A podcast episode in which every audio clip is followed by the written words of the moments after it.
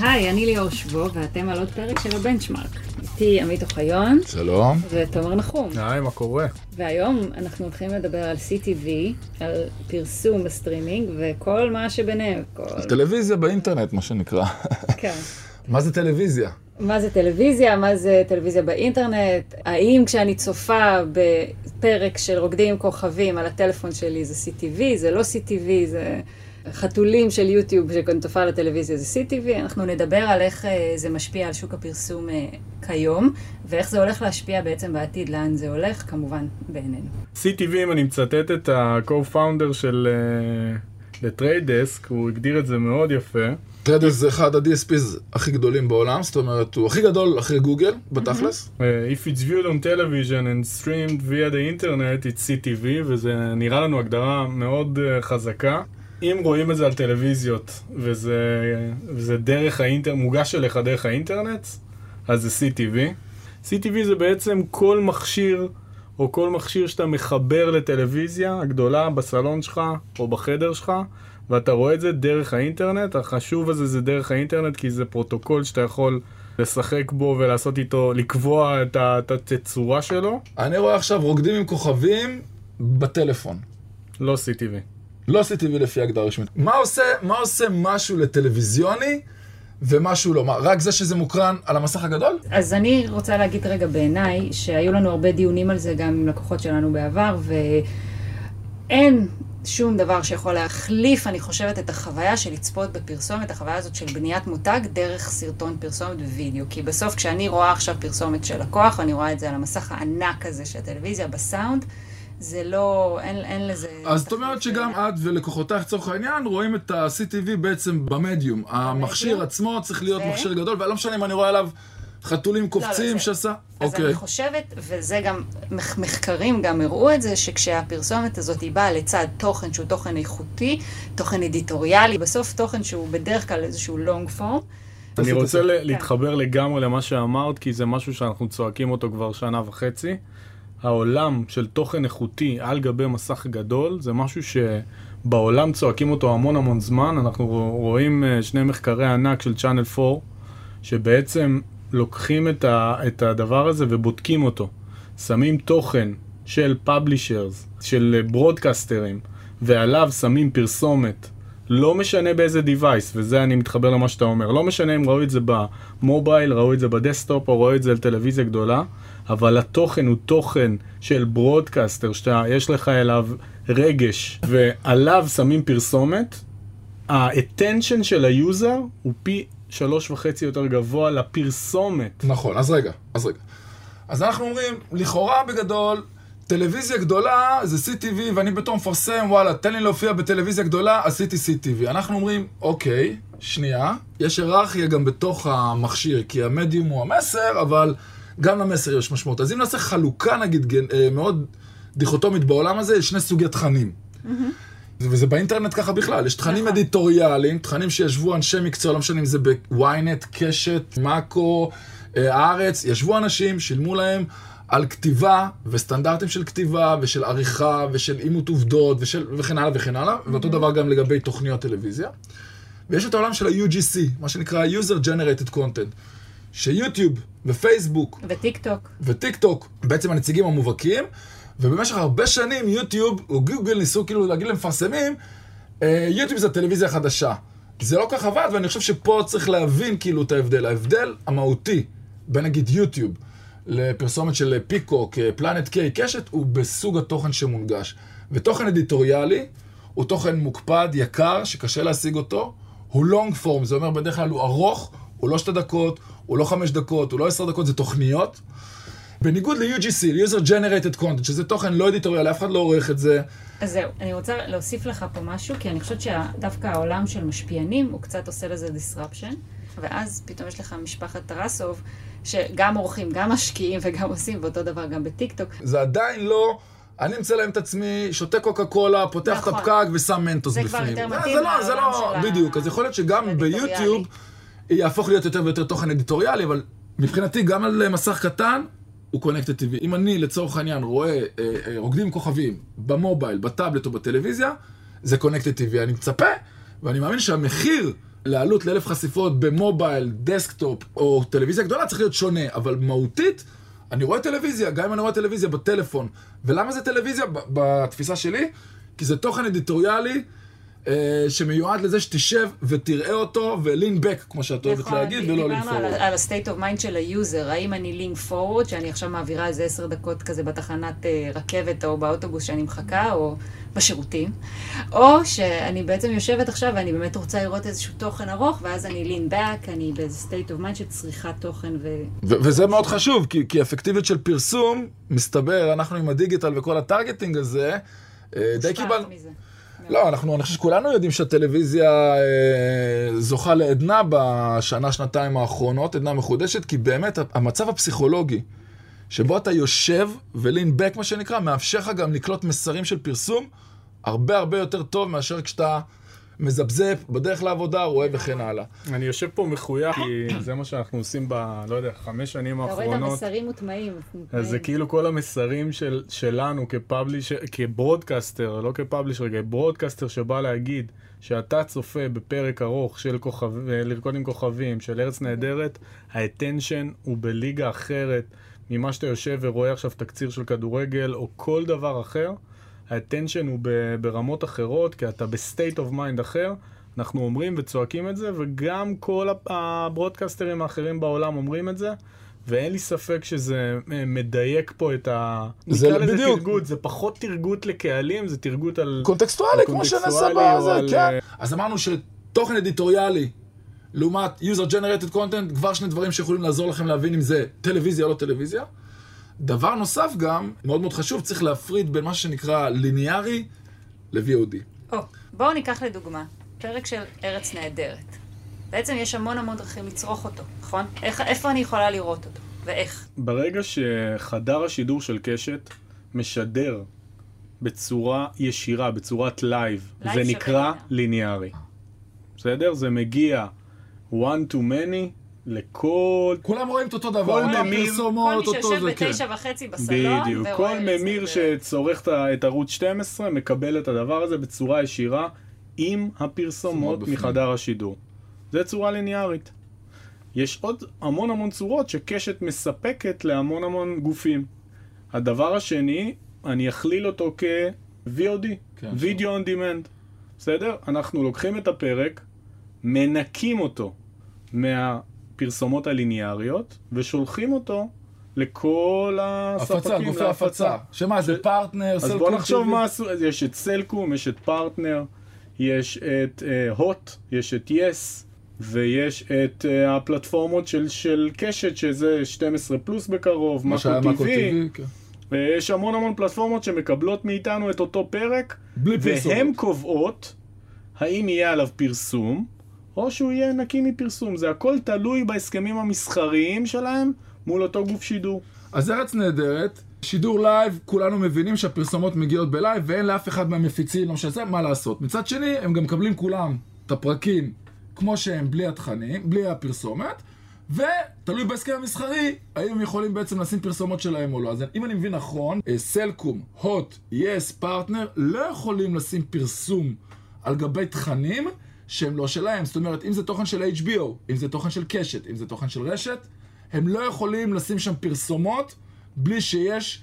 אה, אה, אישור מסחרי מסחרי לאותו וזה- גוף. וכרגע היום אין אישורים מסחריים, נכון? בשום מקום זה. זאת אומרת, הם לא יכולים למנטז את התכנים של הברודקאסטרים. לגמרי. והדבר השלישי שנוצר בשנים האחרונות, הוא, ההגדרה שלו הוא עדיין VOD, אבל הוא נקרא קטשאפ. זה אומר, אני כממיר מתקדם יודע להקליט את השידור, אבל אם אותו ברודקאסט נתן לי את האישור להקליט את השידור שלו, נגיד עכשיו נכנסתי לסלקום, ואני רוצה לראות את השידור של אתמול ארץ של ארץ נהדרת. אז אני נכנס ואני מקיש על ערוץ 12, זזתי אחורה לתאריך המסוים, לתשע וחצי אתמול בערב, והתחלתי לראות את השידור. השידור הוקלט מהליניאר. זה אומר, הפרסומות עדיין נמצאות, נכון. אבל הן בווידאו on demand. אז אני יכול כ user להעביר אותם. אנחנו מחברים גם את כל הדברים האלה לפרסום הרי בסוף, אבל תבינו שהיום באמת חלק גדול מהפרסום שהיה יכול, אה, אה, הפרסומות שבעצם זה מדולגות. ואפל בדיוק סיפר לנו תומר, שאפל, אחרי שהם סגרו, אה, אפל TV סגרו עסקה מאוד מאוד גדולה של... קטנת על הבייסבול, על הבייסבול, הם בעצם לא מאפשרים לעשות skip ב-VOD של הבייסבול. בעצם אומרים, חבר'ה, השקענו פה טונה של כסף, אין סיכוי שאתם תדלגו לנו על הפרסומות, כי זה מה שמכניס כסף. אז יש סיכוי טוב שגם קשת ורשת וזה יגיעו ל- ל- ל- לתובנה כן, ולמסקנה לא, רק- הזאת. כן, לא רק אנחנו, זה גם כל הגופים רוצים להסתכל על חתיכת תוכן כמוניטיזציה. זה אומר, אם אני עכשיו הוצאתי לאיזשהו גוף ומכרתי את התוכן, אני רוצה לדעת כמה אני מקבל ממנו. אם מכרתי על פי כמות אה, מספרית של מנויים, זה כיוון אחד. אם על, פי impressions, כמה פעמים צפו בתוכן, שזה מה שנטפליקס הולכת אליו, שזה מדהים, שהיא כל פעם מפרסמת, שימו לב, כל אה, שבוע אנחנו מקבלים top 10 של נטפליקס העולמי, ראו 100 אלף שעות של אה, כן. תוכן מסוים. אם ילכו לפי זה, זה גם בסדר, אבל זה לא הגיוני שגוף תוכן שמשדר תוכן ליניארי בהמון המון כסף, ומישהו מקליט אותו, על זה, נכון? ומחליט על דעת עצמו לדלג, אז זה כאילו נראה כזה... זה בעצם, אם אני רגע רוצה להבין מסחרית, כאילו זה בעצם ההחלטה לכאורה של הפלטפורמה, נגיד של הממיר, סלקום TV, פרטנר TV, לאפשר כמובן את ה catch-up. ואתה אומר שיש סיכוי טוב שה broadcasters, ספקי התוכן, יגידו להם, תשמעו חבר'ה, אם אני נותן לכם את התוכן שלי, ואנשים מדלגים על הפרסומת, זה פשוט לא יעלה לכם אותו דבר. בדיוק. הבנתי. זה בדיוק ההגדרה. זה הכל מוניטיזציה. כי. אבל, אבל אני רוצה שנייה לחבר את זה גם לעולם של המפרסמים, כי העולם של המפרסמים וגם העולם של ה broadcasters זה רייטינג. ובסוף החשיפות האלה שאנשים רואים, אז יכול להיות שאת הפרק הזה של ארץ נהדרת ראו 300 אלף איש בלייב, אבל עוד 100 אלף איש ראו אותו ב catch-up, ואם הם מדלגים, אז איפה פה ה-GRP-TRP של הקמפיין של אסביר, אז בוא, המפרסם? בוא ניתן על זה במילה, אני לא, לא אלאה אתכם. ה people meter החדש בשנים האחרונות שקנטר הכניסו לשוק הישראלי, מקליט בסאונד את מה שקורה במסך הגדול. Mm. ואז, שראית את זה 24 שעות אחרי, עדיין זה זה, נכנס לרייטינג. לרייטינג. זה אומר, ספרו את זה. צפייה למ- נדחית נכנסת לרייטינג בדיוק. בעצם. אם היא 27 שעות אחרי השידור, שזה המון המון מפרסמים לא מבינים, 27 שעות אחרי השידור, מחויב ומשולם על ידי המפרסם. ואם זה 48 שעות? זה לא, זה לא. זה לא נכנס בחו"ל, לרייטינג. בארצות הברית זה עד שבוע. בדיוק. אין סיבה יש שלא. המון מה המון ההבדל? שינויים בשוק, כי השוק שלנו מאוד, אה, מאוד קטן לעומת האמריקאים, ובשוק האמריקאי כל 0.03 אחוז ברייטינג כסף, זה, זה כן. מיליונים. אז זה מאוד חשוב להם שגם הנדחית שבוע קדימה, תיכלל. עדיין תיכלל בתוך הרייטינג. שנייה, אז אני אסדר לי את הראש פה, אז אנחנו אומרים, סבבה, CTV, קראנו לזה CTV, אבל בסוף אפשר לקרוא לזה סטרימינג, נכון? בואו, CTV, נכון. CTV, סטרימינג! סטרימינג, כן, מה, OTT, איך 12 שתקרא לזה. פלוס, גם כשאתם רואים בדסקטופ, ארץ נהדרת, בקשת זה סטרימינג. נכון. אה, סטרימינג של VOD, אבל זה סטרימינג, נטפליקס עושים סטרימינג של VOD, אין לך שידורי ליניאר בנטפליקס, נכון? זה סטרימינג. זה סטרימינג, יפה. אז קודם כל, הבנו. בוא, כי הבנו, לא רוצים CTV, נקרא לזה סטרימינג, ובתוך הסטרימינג יש לנו, כמו שאמרנו, שתי היררכיות, יש ליניאר, לייב, שידור חי, ויש VOD מוקלט. בתוך ה-VOD יכול להיות דילוג, שכנראה יטפלו בזה בשנים הקרובות, ואמרנו, בסוג התכנים עצמו, אנחנו מפרקים את זה גם כן לשתיים בתפיסה המקצועית שלנו. יש תוכן, מה שנקרא אדיטוריאלי, שהוא בדרך כלל ארוך, long form, ויש UGC, user generated content, שזה בגדול, אנחנו לא מתכוונים לחלקים המושקעים של סטודיו עצמאיים, אנחנו מדברים על דברים שמעלים, העלית איזה סרטון זה, העלית חתול, העלית קוקה קולה, העלית אותך רוקט השטות הזאת בטיק טוק, סבבה. אנחנו לא רואים את זה בתור טלוויזיה, ואנחנו חושבים שכאילו כל איש מקצוע לא רואה את זה בתור טלוויזיה, זה וידאו. לגמרי. אז איך כל ההגדרות והנושא, והבנו מה זה CTV והכל, איך זה בסוף משפיע ביום-יום פה בישראל? שאלה מעולה את האמת, והיא מאוד uh, קרובה לליבנו, כי זה קורה עכשיו uh, בישראל. גם נטפליקס, שבעצם עושה uh, מנוי יותר זול, שהמנוי הזה הוא יהיה עם subscription, אבל הרבה יותר נמוך, ועם פרסום, שזה בשבילנו היה רעידת אדמה. במקביל אליהם גם דיסני פלוס מגיעה לישראל, והיא הודיעה כבר שיהיה אה, מנוי מוזל שיהיה עם פרסום. אבל למה זה כל כך משמעותי לקשת או למאקו? בסוף זה תמיד על הנתח של התקציב של הלקוח. עכשיו, הלקוח היום רוצה עוד וידאו, בישראל לפחות. בישראל חסר לו וידאו אדיטוריאלי, הרבה מהתקציבים פה הולכים ליוטיוב, שהוא UGC, הוא בטח לא אדיטוריאלי, ויש חוסר, קשת, רשת, RG, המפרסמים רוצים יותר. הביקוש גבוה הביקוש גבוה מההיצע, בדיוק, בדיוק. עכשיו, בא גוף כמו נטפליקס, בכיף, ואומר, תשמעו, יש לי מלא וידאו, אחלה וידאו, ואני עכשיו מציע פרסום. עכשיו, המפרסם, אם לפני דקה, סתם דוגמא, נותן 100 שקל קשת רשת, עכשיו הוא צריך להפריש מהדבר הזה גם לנטפליקס. לא בטוח שהוא יגדיל את הסכום שלו, נכון? אנחנו, הרי האמרה היא... הוא לא יגדיל על חשבון הטלוויזיה או על חשבון תקציבים אחרים? אז מה שקורה פה היום בארץ, כאילו, זה שהגופי שידור אומרים, ובצדק דרך אגב, סליחה, להכין ולהקים תוכן אדיטוריאלי מאוד מאוד יקר. לנטפליקס זה יקר, לנו זה יקר, לכולם זה יקר. אממה, אני, בניגוד לנטפליקס, חייב גם להפיק תכנים, צריך להיות דוקו, וצריך להיות עשר שעות כאלה, וצריך להיות כי הפקה מקומית. עליי יש רגולציה. כי על הגופים המקומיים יש רגולציה. זאת אומרת, בסוף כשאלף שקל ניתנים לקשת, ואלף שקל על פרסום ניתנים לנטפליקס, קשת נשארים עם הרבה הרבה הרבה פחות אה, אגורות מהשקל הזה, כי זה הולך לעלויות של כל הרגולציה, כל ההפקות תוכן, הפקות מקור, אה, השקעה בתוכן ישראלי, מיסוי וכדומה, ונטפליקס לא. אז בצדק אומרים הגופים, תשמעו, השוק לא מוסדר. ואם יבואו כל הגופים הבינלאומיים האלה ששנים אה, לא היו תחת רגולציה, לקחו דמי מנוי, ועכשיו הם פתאום נכנסים לעולם הפרסום, אז זה בהכרח בא לא על חשבוננו, זה תחרות מולנו, ואדון רגולטור ישראלי, אתה צריך לשנות קצת את וזה ההגבלות. וזה מאוד מזכיר את מה שקרה בעולם הפרסום בדיגיטל, אם אתם כן. בפאבלישר. זה בעצם באו פייסבוק, באו גוגל, עשו פה רעידת אדמה, ובעצם כל הפאבלישר הזדעזעו, לקח להם נראה לי עשור עד שהם הבינו כאילו את אבל גודל- לא, לא רק שלקח עשור, זה לא באמת וזה נפתר. בדיוק מה שקורה בטלוויזיה, ב-OTT. אני בעצם, מקווה- אני מקווה שה-OTT לא יפרעים כמו הזה, כי המאזינים בטח אומרים, "אה, גוגל, פייסבוק, זה אחלה אה, תחרות, אבל עוד פעם, גוגל ופייסבוק מסתתרים מאחורי סעיף שנקרא 230, שבו הם לא לוקחים אחריות על התכנים. זה בעצם ההבדל הגדול. תוכן אדיטוריאלי, יתבעו את קשת או את רשת אם יהיו עובדות לא נכונות בעובדה. יוטיוב יכולים לעלות על הפלטפורמה שלהם מה שרוצים, מי שרוצה, אה, מסיבות דאעש, אה, קוקלקס קלאנים כאילו, אין להם חבות משפטית, הם, הם, הם, הם, הם מוגנים בסעיף 230 מה שנקרא. אז הדבר הזה מייצר בעיה מאוד מאוד גדולה ו- ו- ותחרות שהיא לא באמת אה, אבל מיושרת. אבל חשוב להבין, אני חושבת שזה לא נגד תחרות, נכון, תומר? זה ממש יותר... לא. זה להפך, זה יותר להגיד... אחידות. אחידות. בדיוק. כן, יש- זה נקרא leveling the playing field. שאני, יש עליי רגולציה, ואני אמור לדווח לרשות השנייה על כל דבר שאני עושה, שגם לבינלאומיים יהיה את אותה חובה. או הפוך, שאם אין לבינלאומי, שגם לא יהיה למקומי. אז כן, בדיוק, אז אם כן. עכשיו סתם יש אה, דיבורים עכשיו שקשת עוברת על איזשהו מיזם חדש של OTT, וכל השוק גועש, וזה בדיוק מה שקורה לבינלאומיים שמגיעים לפה. המלחמה הופכת להיות מקשת ורשת ו-RG של כולם מול נטפליקס פתאום. בדיוק. אתם מתאחדים בעצם ביחד, ואומרים, אנחנו מבקשים ליישר את ה... כן, לשלום את. המגרש, אי אפשר להילחם ידיים קשורות מאחורי הגב נגד גופים שהם מראש כאילו... משחק הוגן, זה מה שאני כן. אומר. אז אנחנו מדברים פה על מודלים חדשים שנכנסים. לא חדשים, זה חדשים ישנים. הקבלה שלהם היא חדשה, הם ישנים. בדיוק, ובעצם ההגדרה שלהם זה עם פרסום, בלי פרסום ועם דמי מנוי. אני אתן את ההגדרות הבינלאומיות, זה SVOD, Subscription. Subscription VOD, Hybrid, שזה משולב בעצם, זה כמו גם שנטפליקס וגם, רוצים כמו לעשות, גם רוצה וגם. לעשות, כמו הולו, כמו פיקוק, שזה מאוד מאוד חזק שם, ויש את ה-AVOD, Advertising VOD, וזה שלושת בעצם מודלים שקורים בעולם היום.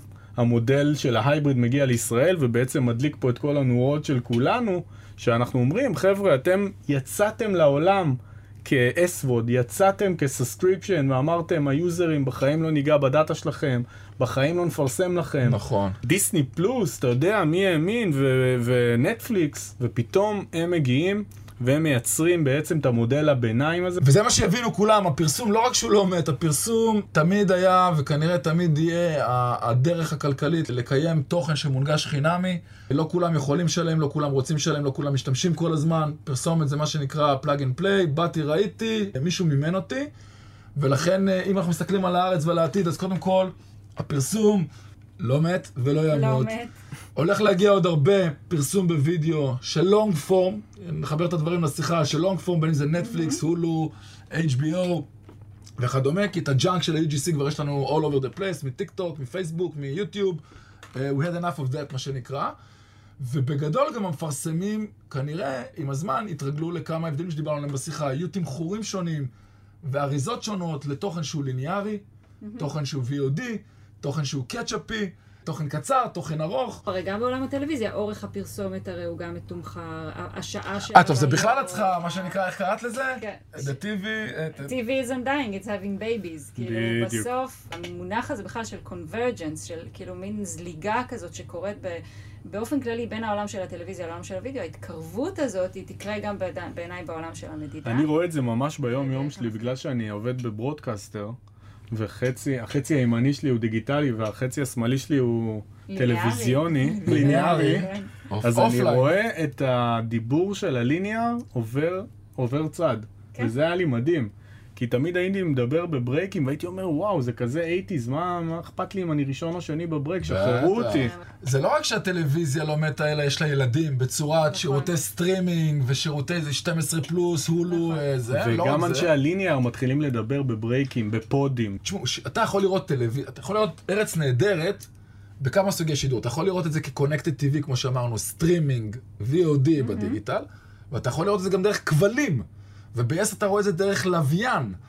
yes עכשיו עוברים, מעבירים את כל הלוויין שלהם לאינטרנט. הוט מעבירים את כל הכבלים שלהם לאינטרנט. ברגע שעוברים לתשתית של האינטרנט, אז אותם אנשים נאלצים להתחיל לדבר בשפה של התשתית.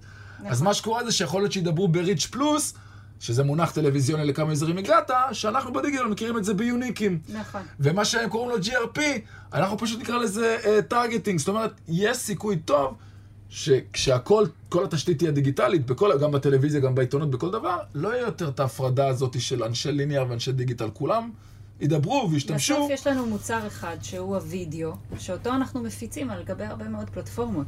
וגם ש... באמת שיטת המדידה תהיה חייבת, כי גם ככה זה מורכב, זה מורכב. וגם אצל המפרסמים, גם למדוד וידאו ולמדוד טלוויזיה והכול. ואנחנו באמת, אני עוד פעם, לא שם היום, אבל ביוניברסל, גם באותו בית, יש את יוניברסל באופליין ויוניברסל דיגיטל, וניסינו לעשות את כל מה שאנחנו יכולים כדי להביא ללקוחות שלנו בסוף מוצר אחד שאומר, מה, כמה ריץ' הגעתם? גם עולם המדידה, אם דיברנו קצת על אה, פרסום, אז עולם המדידה מאוד השתנה בגלל אותם אה, גופים שצריך למדוד אותם פתאום. מה זאת אומרת? נגיד בארצות הברית שהם מובילי שוק uh, by far, כאילו בעולם של ה-OTTs, אז uh, נגיד הולו וכל הגופים שבעצם אפשר לפרסם בהם, uh, Peacock, פתאום uh, אותו people meter שיש בארץ, או אותו גוף שצריך לתת את ה pricing לא, לאותו מפרסם, הוא צריך להיות בכל, נקרא לזה, בכל נקודת קצה. כדי להבין מי ראה את הפרסומת. אז זה נהיה מאוד מאוד דיגיטלי. פעם זה היה מאוד ליניארי, כאילו one to many, ועכשיו. כאילו צריך להבין... אה, ועכשיו המכשירים שיושבים בבתים הם מעין... אה, האבים כאלה של- האבים של ראוט, אפילו מחליפים את הראוטרים. אתה מבין? אתה אומר אם פעם הדרך של הפיפל מטר לדעת מה ראית הייתה בלחיצה על שלט יהודי, שלט טיפש יהודי. כרגע יש סוג של ראוטר שכל המכשירים בבית עוברים דרכו, שיש לו גם תביעת סאונד, והוא יודע אם אתה יוצא לפרסומות ובאיזה מכשיר, ולפי זה הוא מנטר. לגמרי, ונילסן. עוברת זעזועים כן, מאוד נילסן, מאוד אה, חזקים, מאוד. כדי אה, להבין... נילסן, רק, רק נגיד, נילסן בעצם. נילסן בעצם זה הגוף שדה פקטו במשך עשרות שנים היה המדד רייטינג היה לו, האמריקאי. היה לו מתודולוגיה ושיטה שקראו לה total video, שהיא בעצם הייתה הדרך שלהם למדוד גם את הרייטינג של טלוויזיה, גם את הרייטינג של דיגיטל ולאחד אותו. והמודל הזה אותגר בקורונה, אין כן. וואו, פעמים. כן. דרך אגב, בעיקר בגלל שמסתבר בקורונה שבכל ה, בכל המדגם הזה של נילסן אין, רפ- אין אה, לטינים ואין אין, אין ייצוג לאוכלוסייה הלטינית בארצות הברית ולשחורים ברמה מסוימת. זאת אומרת, כאילו, אז היה הבנה שכאילו זה לא מכסה בכלל את כל ה-use case, וכמו שאמרת, הם יוצאים עכשיו לרנדבו טכנולוגי שאמור לשפר את ה... כי הם הבינו שזה זה שפה אחרת ממה שהם ידעו לדבר. היום אתה צריך ראוטר, אתה רוצה לראות אם רואים אותך דרך ה mobile device, אם רואים אותך דרך ה-OTT, אם רואים אותך דרך ה cables, או רואים אותך מכל מקום עוד ב desktop. נכון. אז אם לא שמת ראוטר בבית שיודע לנתב את כל התנועה של אתה לא האינטרנט, באיזה אתה לא יודע היה. כלום. אז עכשיו הראוטרים שלהם לא הולכים רק לשבת בתוך הבתים, הם הולכים לשבת בבית, לקחת את המספר של ה mobile שלך וגם לזכור אותך גם שיצאת מהבית. וואלה. אז כאילו... וזה של נילסן? כן. העולם הדיגיטלי הגיע פתאום ודופק בדלת... בוא נגיד מה שחיכו לו, אפשר לסכם את זה ככה, אולי אפילו את הפרק הזה. כמו שליאור אמרה באחת משיחות הזה, בסוף החבר'ה של ה offline יבואו לעבוד אצלנו, במרכאות, כי באמת מה שקרה זה שאנחנו הרבה שנים מדברים על זה, זה פשוט טרנדים שפשוט מבשילים, וההבשלה הזאת אומרת, ההתעסקות של ה broadcaster ים עם החתיכה של ה-OTT, סטרימינג וכדומה, הכריחה אותם להבין דיגיטל. והדבר הזה ביחד עם, ה, עם הצורך בפרסומת שהיא וידאו, שלא רק performance כמו שאמרנו, הפרסומת הרגשית, החווייתית, שתמיד מפרסמים צריכים אותה. שלא תיעלם אף פעם. לא תיעלם. לא. ההפך, יותר נדרשת, בהרבה מובנים אנחנו מרגישים. צמא גדול, בייחוד בישראל. בטווח הקרוב יהיה יותר וידאו, הוא יהיה יותר מנוטר, הוא יהיה מבוסס לוגינים, הוא יהיה יותר כאילו מה שנקרא טארגטבל או אדרסבל, זה, כשאומרים אדרסבל, זה בעצם מה שמתכוונים, שאפשר, להגיע לאנשים. address, אפשר Yes. כאילו ל- לשייך את הפרסומת למישהו.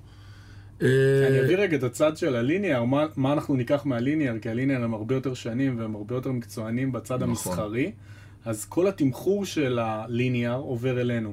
מה זה אומר? אלינו בדיגיטל אנחנו מתחילים לאמץ שיטות אה, זה, נכון. אנחנו בדיגיטל לא אכפת לנו אם הפרסומת ראשונה, שנייה או שלישית. לא היה אכפת לנו. לא היה. ובגלל הדיג... הליניאר פתאום אכפת לנו מאוד, אם זה פרסומת פרסט, מה זה לנו? אפשר אכפת למפרסם, אתה רואה שמפרסמים, אומרים לך למה בדיגיטל אין לי, לא רק כן. אומרים לך אני רוצה להיות. הראשון ביציאה אז לברייק. פתאום השיחה מהליניאר זולגת אלינו. לגמרי. זה אומר, אם ראיתי עכשיו 12 פלוס ואני פרסומת שלישית או רביעית, זה מחיר שונה מהראשונה. לא ופתאום אותו אומרים לך. מה, אני לא first? לא ואז אתה אומר. בואנה. ומי מרוויח בסוף הכי הרבה מכל המהלכים האלה? ה user. נכון. בסוף הצרכן יש לו הרבה יותר אפשרויות, יש לו הרבה יותר אה, מקומות לצרוך מהם תוכן בצורה הרבה יותר מתוחכמת, ואני חושבת שבסוף החוויה גם תהיה הרבה יותר טובה. אז במידה ובאמת ידאגו, ואני מקווה גם אישית, אני חושבת שזה דבר נכון ליישר את המגרש, כן. ויהיו תנאים שווים, אני חושבת שזה... כן, ה user ים ירוויחו, בטח, תשמעי, ה broadcaster ים עושים עבודה אה, לא רעה, הם... לא, אה, גם אתה רואה מה קורה בשוק האמריקאי, שנגיד היום, בדקנו את זה, user אחד, משפחה אחת, צורכת לפחות שלוש או ארבע פלטפורמות. שירותים, כן. שירותים, זה כאילו, זה מטורף. הדוח כן.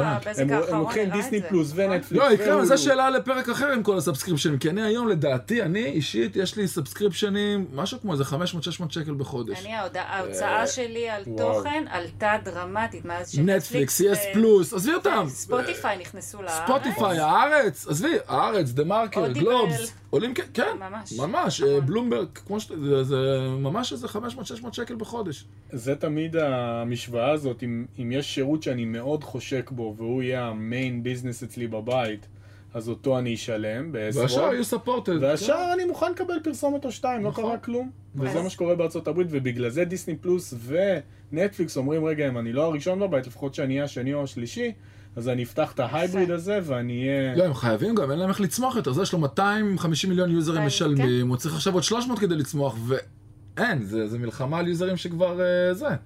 אז בואו נסכם באמת את הפרק הזה באיזה שורה אחת. זה שאמרת על ה fair play, אני מאוד מאמין בזה.